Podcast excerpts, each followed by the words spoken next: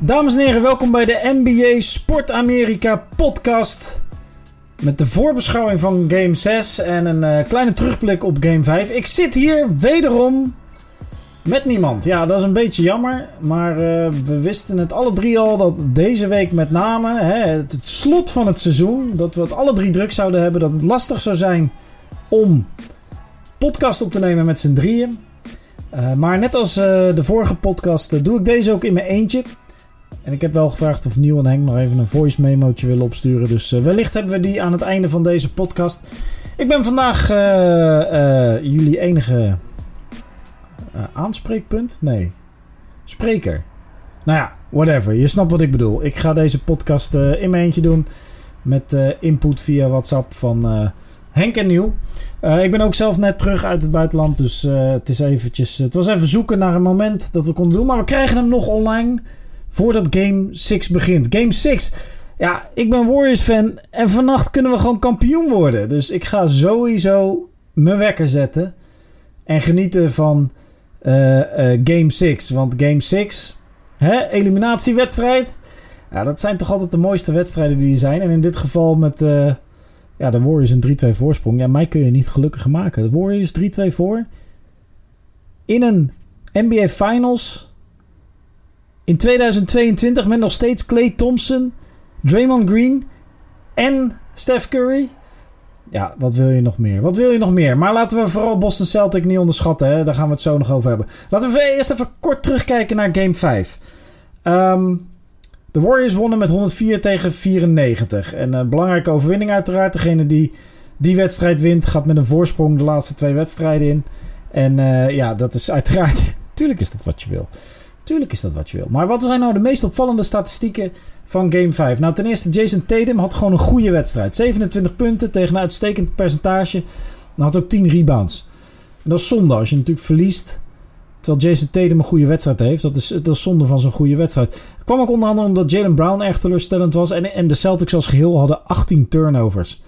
Ja, dat is te veel. Kijk, de Celtics zijn de beste defense van de NBA. Maar als je aanvallend de bal weggooit en dan transities om je oren terugkrijgt. En die krijg je van deze Warriors. Ja, dan, dan ga je niet winnen. De, Warriors zijn ook niet voor niks de vierde beste defense van, uh, van de NBA dit seizoen. Sterker nog, uh, Kevin Looney, de center van de Warriors, die noemde de defense zelfs beter dan de offense dit seizoen. En uh, als je kijkt naar de Boston Celtics, als die bal rondgaat, dan komt het wel goed. Dan, uh, dan met hun lengte en hun atleticisme komen ze dan uh, echt wel tot scoren. Maar zodra ze gaan dribbelen, uh, met name Tatum en Brown. Als ze gaan dribbelen, dan dribbelen ze zich vaak vast, verliezen ze de bal. En de Warriors zijn zo goed in het swipen naar de bal en het slaan naar de bal zonder een fout te maken. Hoewel, hè, daar kun je als Celtics-fan waarschijnlijk anders over denken. of het dwingen van het afdwingen van een slechte paas vanuit de dribbel, waar dan een stiel op gepakt wordt. Ja, dat wordt gewoon lastig. Dus eigenlijk moeten de Celtics proberen hun, uh, hun aantal dribbles tot een minimum te beperken. Dan, uh, dan gaat het gewoon beter. Gewoon rondpassen, net als vroeger op de training uh, in de jeugd. een wedstrijdje spelen zonder dat je mag dribbelen. Robert Williams, de center, was als enige plus 11. Als in het doelsaldo was plus 11 toen hij in het veld stond. Dus je zou zeggen, laat hem dan gewoon 48 minuten spelen. En misschien gaat dat vanavond ook wel gebeuren. Um, maar aan de andere kant, ja, hij is, hij is geblesseerd geweest. En uh, waarschijnlijk kunnen ze hem gewoon niet meer dan 30 minuten laten spelen.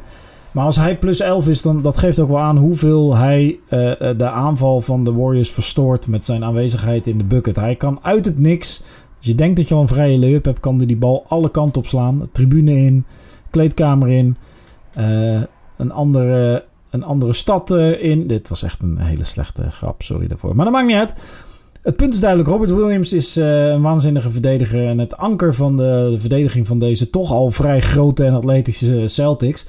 Ja, en als hij speelt plus 11. Dus de conclusie lijkt me duidelijk. De aanpassing die de Celtics moeten doen is zorgen dat ze Robert Williams zoveel mogelijk minuten kunnen laten spelen.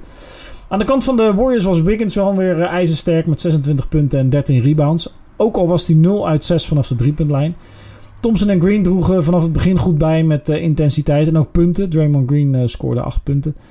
Curry was voor het eerst sinds heel lang 0 uit 9 qua driepunters. Dus voor het eerst sinds heel lang geen uh, driepunters raakgeschoten.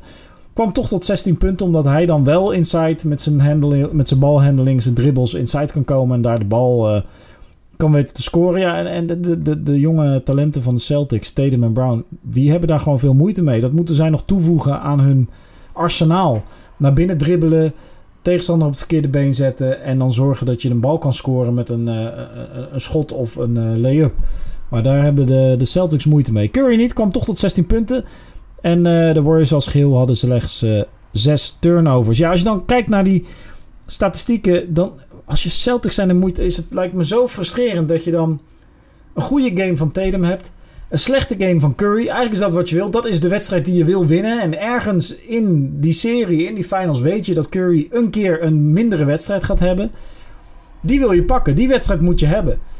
En uh, dat krijgen ze niet voor elkaar. En winnen de, de Warriors, ja, dat is zonde. En daarom dat je nu overal leest en hoort van, uh, over Game 5: van is dit het moment dat uh, de Celtics zelf de finals, het kampioenschap hebben weggegooid. Letterlijk, met 18 turnovers.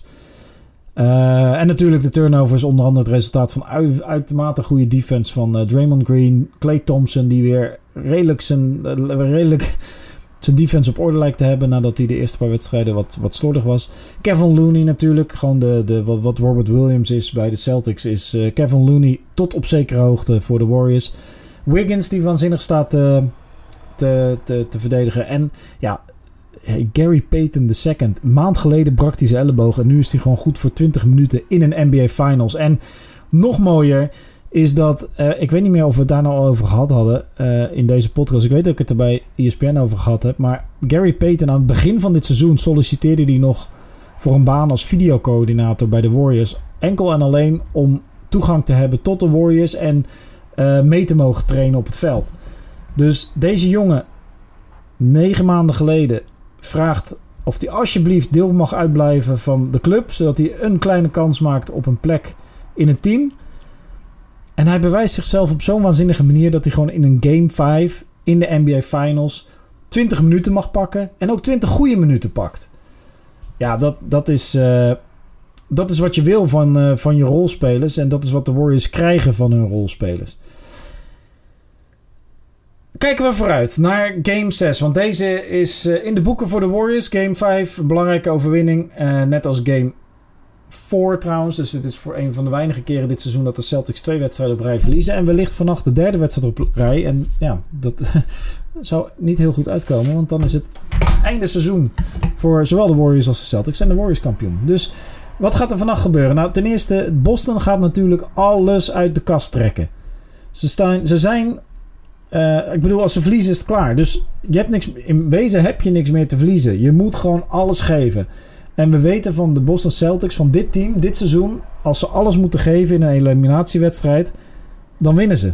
Ze zijn 3-0 in eliminatiewedstrijden. Denk aan die Game 5, uh, Game 6 tegen de Bucks. Toen de Celtics ook 3-2 achter stonden... en Jason Tatum 46 punten maakte tegen de Bucks. Tegen de Milwaukee Bucks. Ook niet een hele misselijke verdediging. Ze hadden net daarvoor een dramatische Game 5 gespeeld. Waar iedereen dacht: oké, dit is het einde van het seizoen. Maar in Game 6 tegen de Milwaukee Bucks. Uh, kropen ze overeind, kwamen ze terug. En dat was een van de momenten dat we zagen dat deze Boston Celtics veerkrachtiger zijn dan welk ander team in de NBA dan ook. Dit team is in staat om een verschrikkelijk verlies om te zetten in een fantastische overwinning de volgende wedstrijd. Dus we weten dat Boston het kan. En we weten ook dat ze vannacht alles aan zullen proberen. Thuis, dat publiek, dat gaat helemaal door het dak. Het is daar donderdagavond rond een uurtje of negen. De helft van die gasten is dronken. Dat wordt een gekkenhuis. Dat wordt een, dat wordt een snelkookpan voor de Warriors.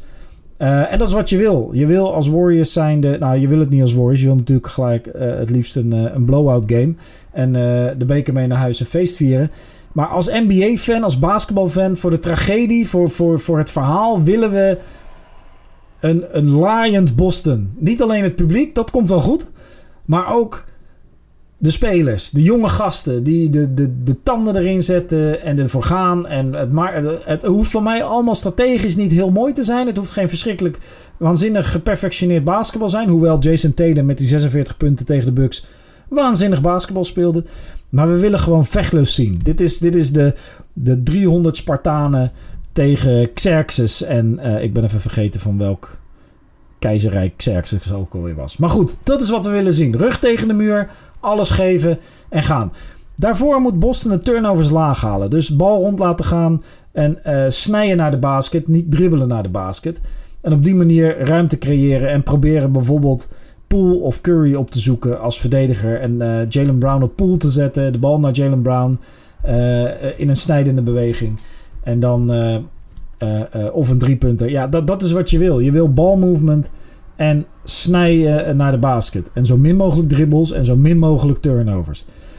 Iets anders wat we kunnen verwachten vanavond, waar ik zelfs heel enthousiast van word, is Clay Thompson. Want Clay Thompson, legendarisch Game 6 Clay Thompson, is altijd een, een feest. Als je het hebt over alles geven in een Game 6, dat is Clay Thompson. Dat ontstond in 2016 toen de, toen, de Warriors achter stonden met 3-1 in de serie tegen de Oklahoma City Thunder in de conference finals. Ze wonnen toen een game 5. Toen kwam game 6, wederom een eliminatiewedstrijd. En de Warriors stonden achter. Maar omdat Clay Thompson 11 driepunters erin schoot, 41 punten maakte, waarvan 19 in het vierde kwart om de Warriors terug te brengen uh, van een achterstand naar een overwinning, wonnen ze die wedstrijd. En ook uh, game 7 werd toen gewonnen door de Warriors. En gingen ze door naar die, die finals tegen Cleveland. en die ze toen verloren, waarna vervolgens van diezelfde Oklahoma City Thunder Kevin Durant naar de Warriors kwam. Dat was de Game 6 Clay Thompson. Daar is de legende geboren. En iemand heeft het uitgezocht. In Game 6, over heel zijn carrière, alle Game 6, schiet Clay Thompson gemiddeld 49,5% vanaf de driepuntlijn. 49,5%. Dus ik denk dat we vanavond, laten we hopen, een ontketende Clay Thompson te zien krijgen. En hij denkt het zelf ook. Green heeft in een interview gezegd... Uh, Thompson is in die Game 6 legende gaan geloven. En hij komt met meer zelfvertrouwen naar een Game 6. Hij durft te schieten.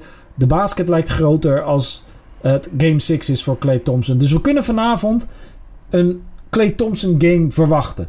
En laten we hopen dat het komt, want ik gun niemand minder. Uh, niemand meer deze finals en, en deze terugkomst van 900 dagen niet basketballen vanwege blessures dan Clay Thompson. Um, dus ja, Clay Thompson Game 6, dat wordt waanzinnig. En als alles klikt bij de Warriors, Draymond Green is gewoon agressief en doet geen domme dingen. Uh, Curry is weer op schot, schiet alles raak. Wiggins heeft weer een double-double en uitstekende defense op uh, Tatum. Game 6 Clay, Looney en Peyton die de boel dicht houden. Jordan Poole die wat ballen raak schiet. Uh, ja, dan zijn de Warriors na vannacht gewoon kampioen. Maar als de Celtics hun inmiddels ook beruchte veerkracht laten zien... dan wordt het een fenomenale pot van de Celtics... En kunnen ze de Warriors ook gewoon helemaal wegspelen in eigen huis. En dan gaan we ons opmaken voor een legendarische Game 7 in San Francisco. Mijn verwachting. Ik zei het al een paar keer, volgens mij elke podcast uh, deze finals. Als de Boston Celtics kampioen zouden worden, zou dat in Game 6 zijn. Dat kan niet. Worden de Warriors kampioen, dan is dat in Game 7. Mijn verwachting is dat Boston vanavond met zoveel kracht en energie komt. Dat de Warriors deze moeten laten schieten. En geen kampioen zullen worden. En dat we een Game 7 krijgen aanstaande zondag in San Francisco. Natuurlijk, als Warriors-fan hoop ik dat de Warriors het vanavond afmaken. Uh, als basketbalanalist zeg ik... Boston wint vannacht. Het wordt 3-3 en we krijgen een Game 7 waarin alles mogelijk is. Ik hoop dat jij geniet van de wedstrijd. En uh, uiteraard spreek je ons. Ik hoop ook met Neil of, en of Henk na game uh, game 6 weer. Dus we gaan morgenochtend of morgenavond gewoon weer eentje opnemen. En uh, ja, ik wens jullie allemaal een hele plezierige wedstrijd. Game 6 in the garden, do or die. Zoals Henk zou zeggen. Laten we vooral hopen dat het een betere wedstrijd wordt dan Game 5. Waarin beide ploegen echt teleurstelden. Dat de Celtics vanaf minuut 1 realiseren dat als je nu verliest, dat het einde verhaal is. En dan gaat dit seizoen de boeken in van net niet. Want je was er zo dichtbij dan. Dan zal je dus altijd zeggen dat je de Warriors eigenlijk op de knieën had. Maar niet door wist te drukken. Dus uh, game 6, ik verwacht een uh, Garden die we nog nooit zo hebben gezien. Een hele vijandige sfeer voor de Warriors. Ik hoop dat Draymond Green en Kerr en wie dan niet nog meer daar absoluut tegen kunnen. Anders moet jij ze troosten, Matthijs. Maar ik verwacht dus uh, een, Celtics die we nog nooit eerder zo hebben gezien. En Game 6 voor de Celtics. En dan hebben we zondag Game 7.